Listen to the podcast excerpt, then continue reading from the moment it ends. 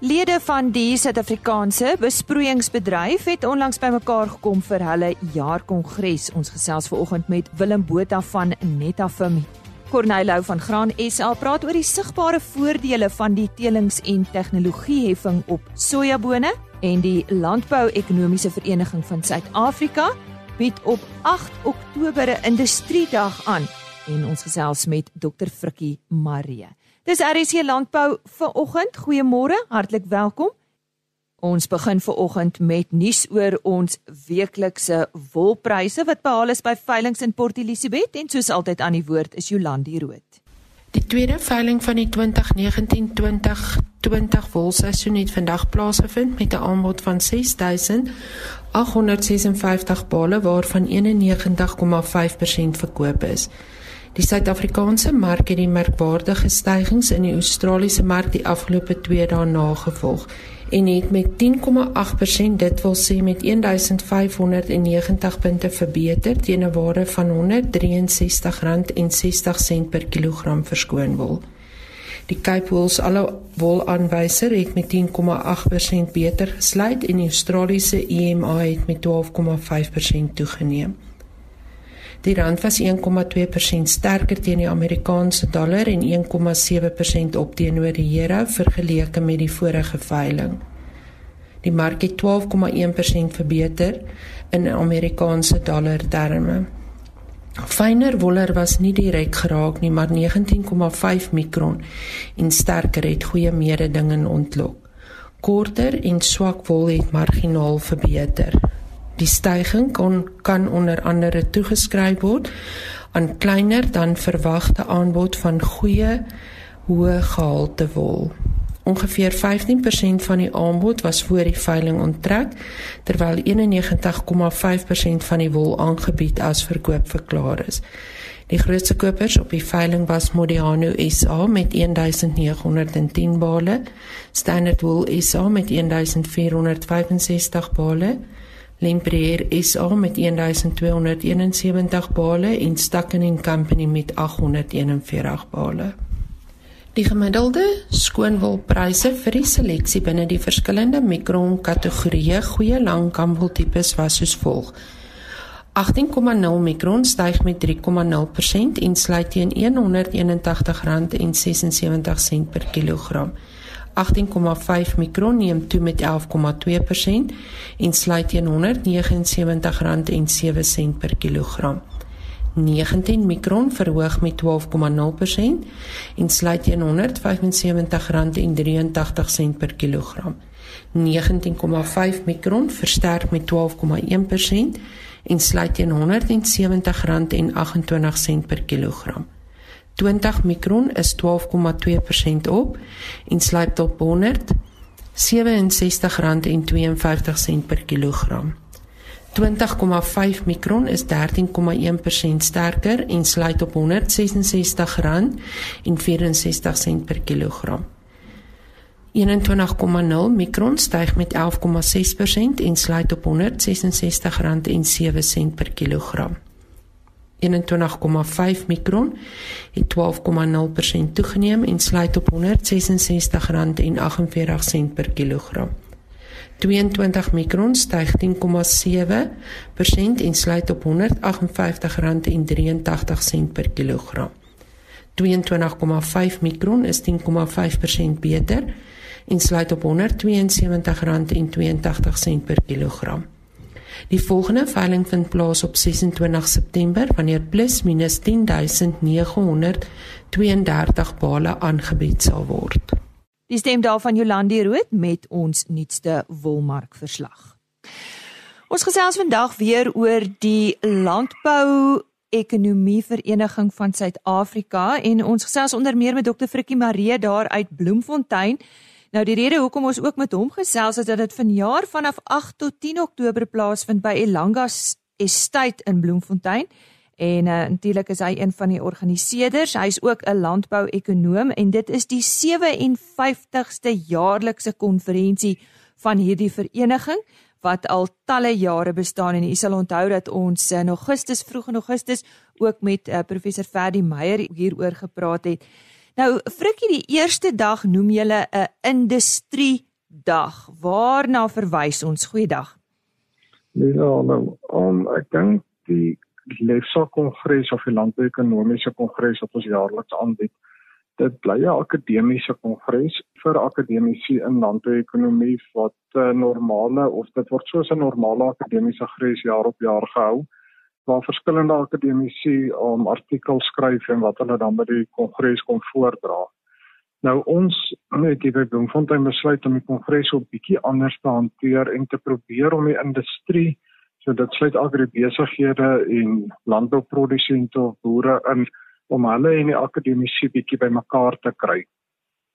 So hierdie jaar op die eerste dag van die kongres hou ons 'n industrie-georiënteerde dag waar daar geen akademiese sprekers is nie. Ons het net sprekers uit die verskillende industrieë uit of die verskillende sektore van landbou om bietjie hulle suksesse en probleme en oplossings in die bedryf te kom deel en dan gaan ons paneelbesprekings daar rondom hou. Noem vir ons 'n paar van hierdie hoogtepunte, uh of 'n paar van die sprekers net en ook hulle onderwerpe net of as 'n lusmaker. Ja, die program is regtig goed saamgestel in terme van sprekers. Nou die tema vir die dag is dieselfde as vir die kongres en dit is growing a resilient and sustainable agriculture. So dit gaan oor hoe om landbou volhoubaar en veerkragtig te hou. En toe het ons besluit om vir die industrie dag te kyk na die verskillende sektore wat jy in die landbouketting kry. So ons begin basies by natuurlike hulpbronne en ons het meneer Nietnutse, hy sê om um, hoofuitvoerende bestuurder van die Suid-Afrikaanse Water Assosiasie wat gaan praat oor water en hoe belangrik dit is as 'n hulpbron en om dit as 'n inset te gebruik. Dan het ons die plaas inset verskaffingssektor waar meneer Corne Kriege van Senwes met ons gaan gesels. Ons het kommersiële produsente meneer Louis de Kok van Wildeklawer en dan namens die um, opkomende produsente gaan mevrou Petro Noudee van Sernik wat hulle opkomende boere boere program dryf ook met ons praat en dan die middagse of se sessie is meneer Koos Jansen van Rensburg wat uitvoerende beampte van VKB is en meneer Wandile Silobo van Agbus om wat ook aan baie van die luisteraars seker ook goed bekend is. Nou hierdie hele klomp sprekers word dan saamgevat in twee paneelbesprekings wat deur meneer Iwer Price gelei gaan word. En Frikkie en en wie woon so iets by? Is dit net landbou-ekonome? Ja, die die kongres voorheen, die akademiese deel is basies net landbouekonome en dis ook landbouekonome van banke en koöperasies en maatskappye. Maar die industrie dag wil ons reeds produsente, jy ons primêre boere betrek. Ons wil aan um, landboubesighede se eienaars betrek. Ons wil basies die hele landbouindustrie bymekaar probeer kry om oplossings te vind. So hierdie die eerste dag van die kongres of die industrie dag wil ons nie 'n akademies georiënteerde dag hê nie. Ons wil praat oor landbou se probleme binne in 'n landbouekonomiese konteks, maar waar ons bietjie kan sê wat moet die akademici vir die industrie doen en wat het die industrie van die akademici nodig en hoe gaan ons hierdie partye bymekaar uitbring om goeie toepaslike navorsing vir die toekoms te bied. En as iemand graag nog deel hiervan wil wees, um, ek is seker julle het seker al aan al julle lede um, uitnodigings en so gestuur. Ja, die akademisie het al lank al uitnodigings gekry om om artikels en so om in te stuur vir die kongres. Die industriedag is egter nog steeds oop vir registrasie sowel as die res van die kongres en die mense is welkom om te gaan loer op die Landbouekonomiese Vereniging van Suid-Afrika se webwerf of in Engels is dit AISA, dit gaan nog makliker wees om te kry A E A S A en daar's al die besonderhede van hoe jy registreer, die kostes vir die dag, um die programme is daar op en so voort. So al die inligting kan deur die webwerf gekry word.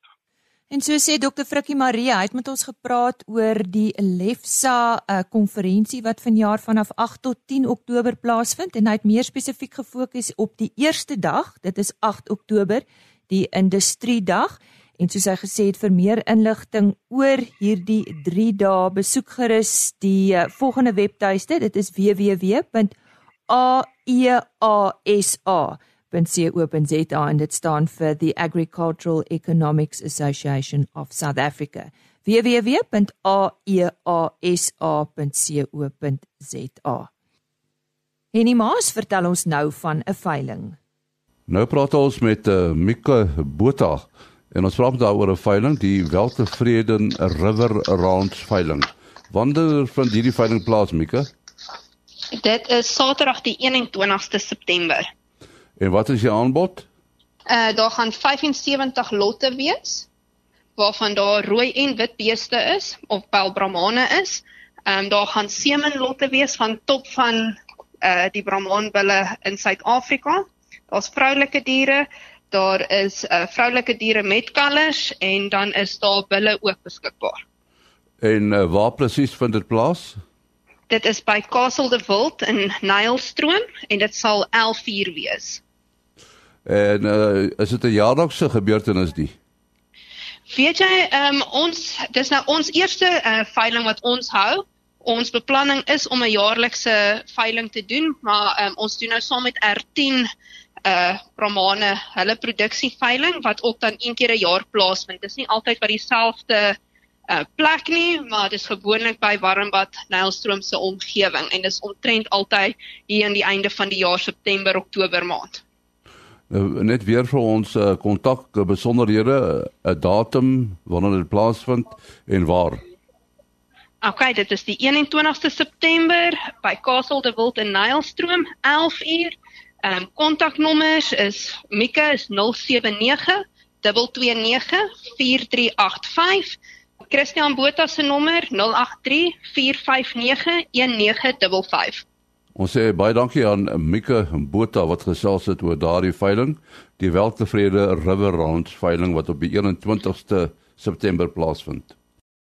In Maart vanjaar is 'n telings- en tegnologieheffing ingestel om sojaboonsaadteelers te vergoed vir hulle belegging in genetika en tegnologie. Ons praat vandag met Corneil Lou van eh, Graan Suid-Afrika oor van die voordele wat reeds sigbaar is. Nou Corneil, ek dink ons het al hieroor gesels. Vertel eers vir ons uh, waaroor gaan die telings- en tegnologieheffing op sojabone. Goeiemôre. Môre Lise, goeiemôre aan die luisteraars net om 'n uh, 'n uh, bietjie uh vir die produsente net weer terug te vat van hoekom is 'n uh, teeling en tegnologie heffing nodig. Ons weet nou sedert Maart 2019 is 'n teeling en tegnologie heffing van R65 per ton vir sojabone ingestel om sojaboonteelers te vergoed vir hulle investering in genetika en tegnologie. Nou ons ons hoor gereeld syfers, maar ongeveer 80% van sojaboonaanplantings word geplant met terughou saad.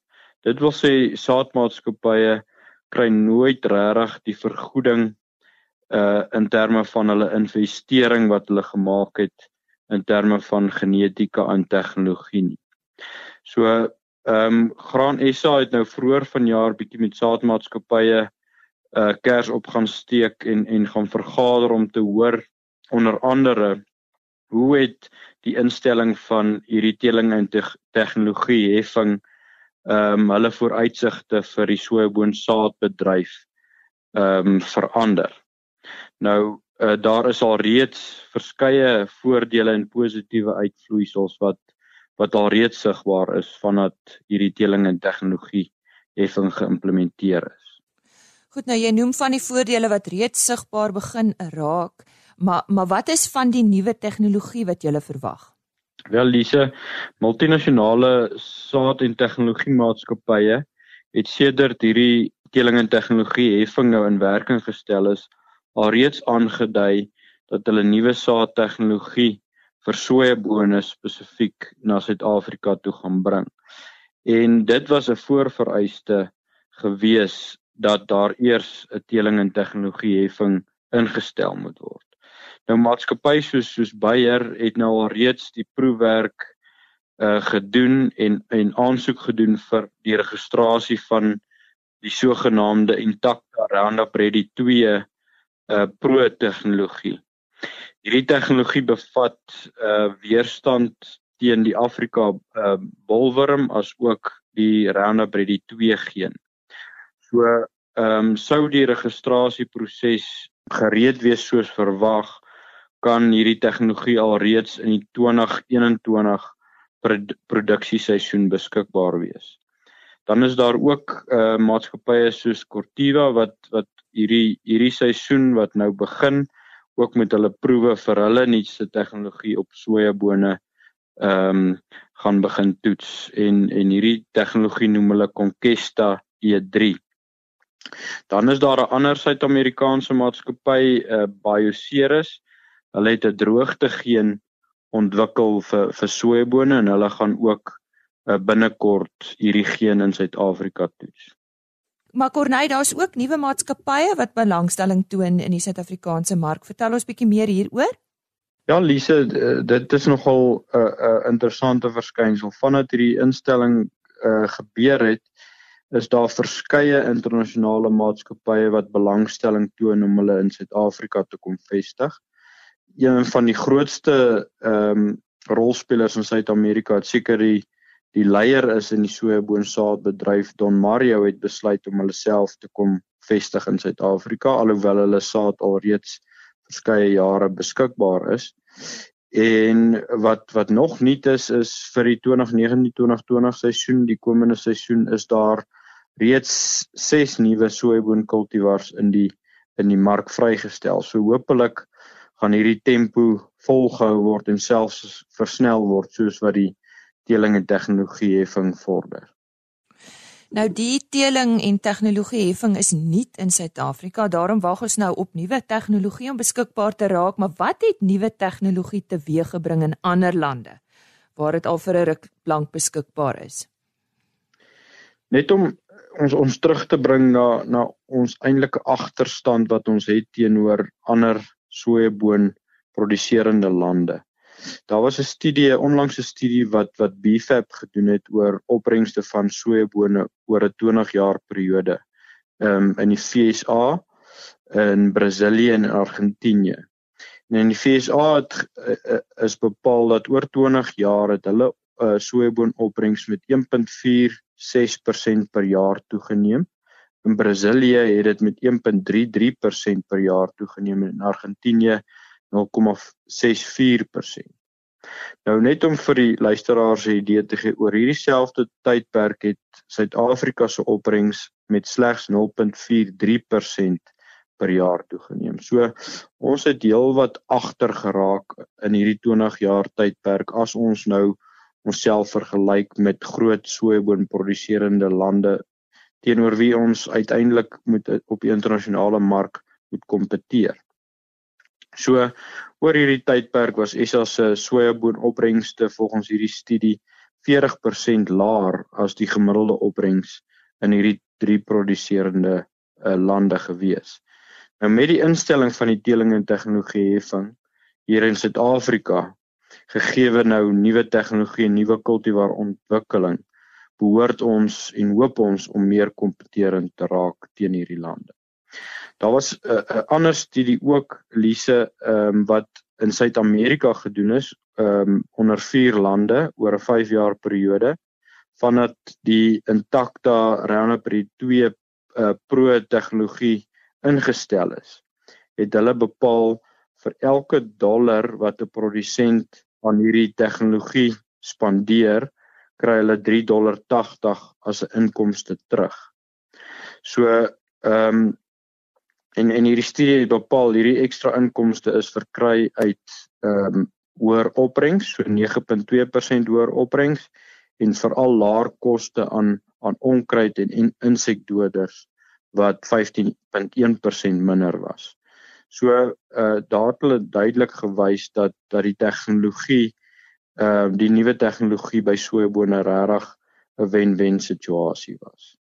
Corneida, nadat die heffing bekend gemaak is, wat het met plaaslike saadpryse gebeur die afgelope seisoen?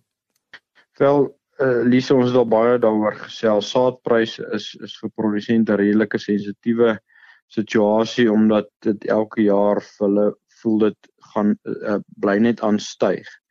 Nou saadpryse van sojabone het het ek gaan kyk het oor die afgelope 15 jaar met 97% gestyg. Die afgelope seisoen, nou na die afkondiging van die heffing, het saadpryse vir die eerste keer in hierdie 15 jaar op 'n gemiddelde basis gedaal met so 1.9%. Nou om 'n voorbeeld te noem, een van die maatskappye Sensaku, hulle het besluit om hulle saadpryse met 30% afwaarts aan te pas wat direk toegeskryf kan word ehm um, na die instelling van die heffing. Verder het 'n uh, maatskappy soos soos Bayer besluit om hulle korting deur te gee aan produsente waar hulle die vorige seisoen 'n tegnologie fooi betaal het op die nuut aangekoopte saad wat hulle dan nou weer eintlik betaal het uh, met met verkope van hulle hulle sojabone. So ek, ek dink uh, wat wat pryse aanbetref is dit definitief ook 'n positiewe. Nou ja, so sê Corneil Lou, hy senior ekonoom by Graan Suid-Afrika. Ons volgende gesprek is met Netafim oor die besproeiingsbedryf. Die Suid-Afrikaanse besproeiingsbedryf het onlangs by die 2019 kongres van die Suid-Afrikaanse Besproeiingsinstituut, oftewel SABI, bymekaar gekom. Nou SABI prioritiseer waardetoevoeging in die bedryf en verseker dat alle aksies in lyn is met die nodige norme en standaarde. Nou SABI bevorder die bedryf se groot doelwit om water te spaar deur doeltreffende besproeiing. Ons gesels nou met Willem Botha, bemarkingsbestuurder van Netta Film Suid-Afrika om ons meer te vertel. Um, Willem, uh, vertel ons 'n bietjie meer wat op die kongres plaasgevind het. Het jy baie dankie. Ehm um, soos ons almal seker al bewus is, is is landbou mos die grootste gebruiker van van water. Ons het dus 'n verantwoordelikheid om die water wat wat tot ons beskikking is meer effektief gebruik.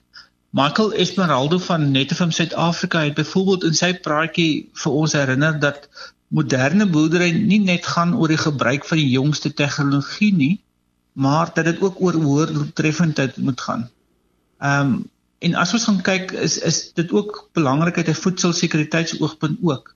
Ons weet die wêreldbevolking groei drasties en ons gaan meer kos moet produseer om die mens en die dier aan die gang te hou.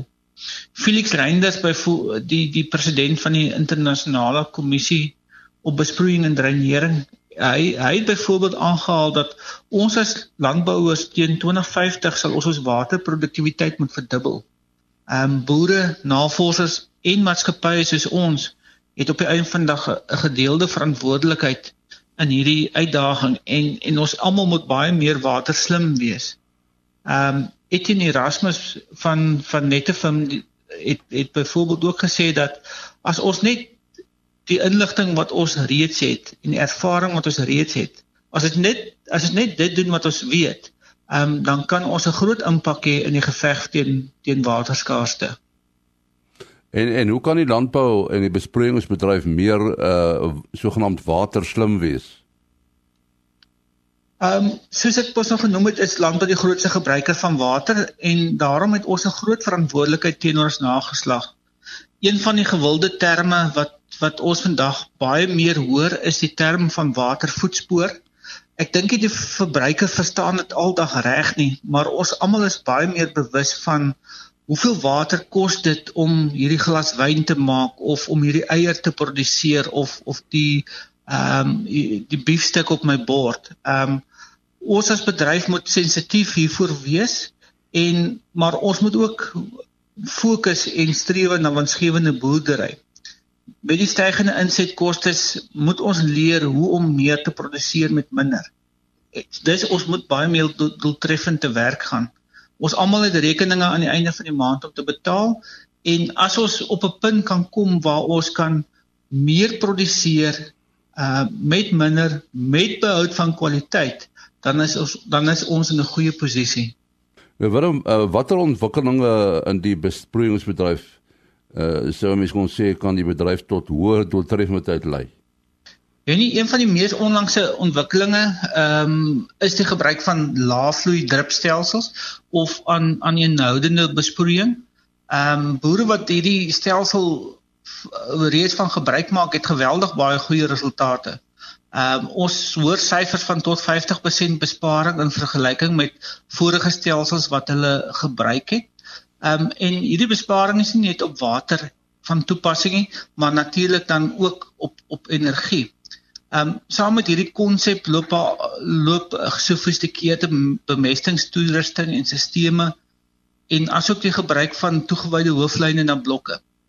as ons gaan kyk na jou ewe skielik na jou bemesting en jou fokus op be, be, bemesting, dan is dit baie meer doelgerig en presies volgens elke blok of volgens elke uh, uh kom ons kom ons noem dit maar program wat jy wat jy wil loop. Ehm um, natuurlik al die blokkrane is dan in die, binne in die pomphuis. So dit is baie eenvoudiger om te outomatiseer, te monitor of of om dan te bestuur. Ehm um, verdere ontwikkeling is dan veral gefokus op die interpretasie en hantering van data. Ehm um, en baie maatskappye is heidaglik in 'n wedloop in tyd gewikkel om om die leier hierin te wees. Ehm um, daar word spesifieke spesifiek gefokus op rekenaartegnologie wat die boer dan dus kan bystaan rondom beheer, analise en dan besluitneming. Ja, sê baie dankie aan Willem Botha, bemarkingsbestuurder by Netafim dis dan al waarvoor ons tyd het vir vanoggend. Môreoggend fokus ons onder andere op uh die nasionale jeugskou kampioenskap en uh, ons praat ook met dokter Hendrik de Tooy oor skaapboerdery in Engeland. Interessante gesprek wat Henny Maas met hom gehad het. Dis dan uh, môreoggend RSG Landbou en totsiens. RSG Landbou is 'n produksie van Plaas Media Produksieregisseur Henny Maas. Aanbieding Lisa Roberts. En inhoudskoördineerder Jolandi Root.